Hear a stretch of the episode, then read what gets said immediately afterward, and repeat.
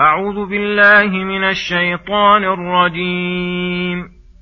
يا أيها الذين كفروا لا تعتذروا اليوم.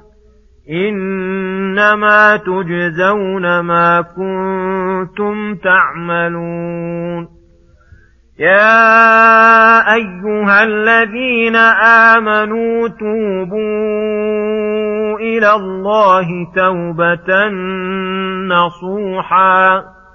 عسى ربكم أن يكفر عنكم سيئاتكم ويدخلكم جنات تجري تجري من تحتها الأنهار يوم لا يخزي الله النبي والذين آمنوا معه.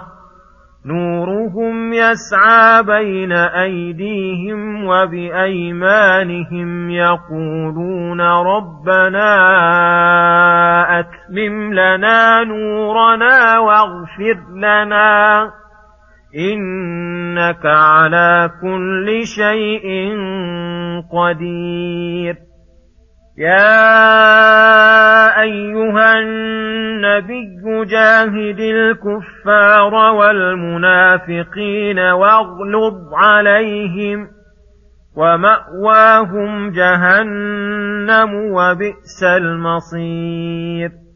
ضرب الله مثلا للذين كفروا امرأة نوح وامرأة لوط كانتا تحت عبدين من عبادنا صالحين فخانتاهما فلم يغنيا عنهما من الله شيئا وقيل ادخلا النار مع الداخلين.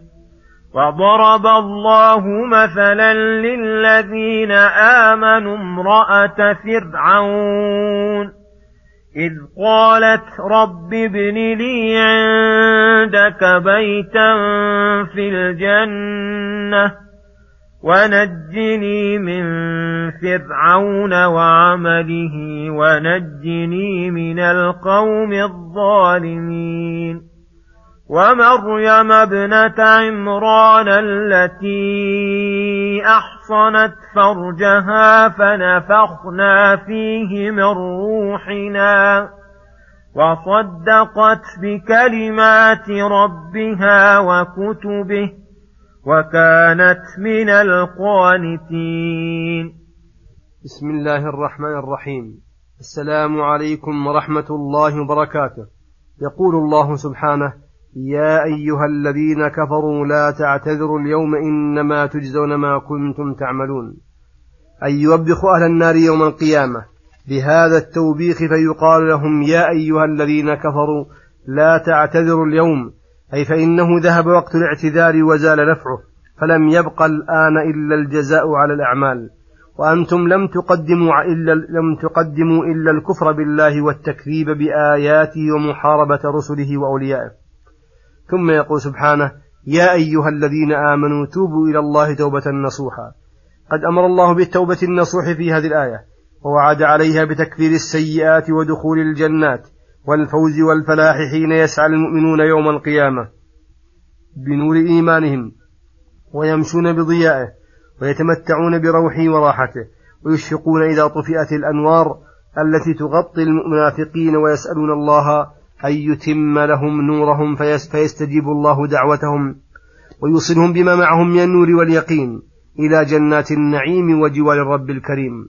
وكل هذا من آثار التوبة النصوح والمراد بها التوبة العامة الشاملة لجميع الذنوب التي عقدها العبد لله لا يريد بها إلا وجه الله والقرب منه ويستمر عليها في جميع أحواله.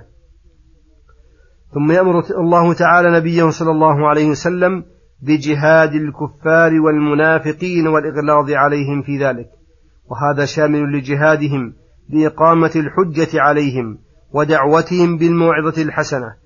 وإبطال ما هم عليه من أنواع الضلال وجهادهم بالسلاح والقتال لمن أبى أن يجيب دعوة الله وينقاد لحكمه فإن هذا يجاهد ويغلظ عليه.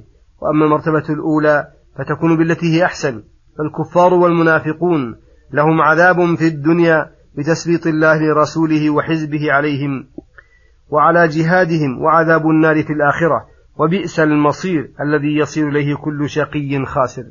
ثم يقول سبحانه ضرب الله مثلا للذين كفروا امرأة نوح وامرأة لوط الآيات. هذان المثلان اللذان ضربهما الله للمؤمنين والكافرين ليبين لهم أن اتصال الكافر بالمؤمن وقربه منه لا يفيده شيئا وأن اتصال المؤمن بالكافر لا يضره شيئا مع قيامه بالواجب عليه فكأن في ذلك إشارة وتحذيرا لزوجات النبي صلى الله عليه وسلم عن المعصية. وأن اتصالهن به صلى الله عليه وسلم لا ينفعهن شيئا مع الإساءة فقال ضرب الله مثلا للذين كفروا امرأة نوح وامرأة لوط كانتا الآية. أي المرأتين أي المرأتان تحت عبدين من عبادنا صالحين. وهما نوح ولوط عليهما السلام. فخانتاهما في الدين لأن كانتا على غير دين زوجيهما. وهذا هو المراد بالخيانة. لا خيانة النسب والفراش فإنه ما بغت امرأة نبي قط وما كان الله ليجعل امرأة أحد من أنبيائه بغيا.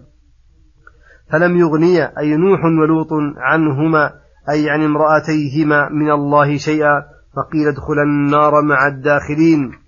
وضرب الله مثلا للذين آمنوا امرأة فرعون وهي آسية بنت, بنت مزاحم رضي الله عنها. إذ قالت رب ابن لي عندك بيتا في الجنة ونجني من فرعون وعمله ونجني من القوم الظالمين.